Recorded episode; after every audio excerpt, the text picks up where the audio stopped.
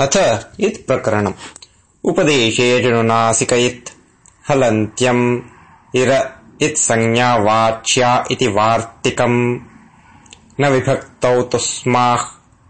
आदिर्ङिटुडवः षः प्रत्ययस्य। ठुटु वशक्वतद्धिते तस्य लोपः।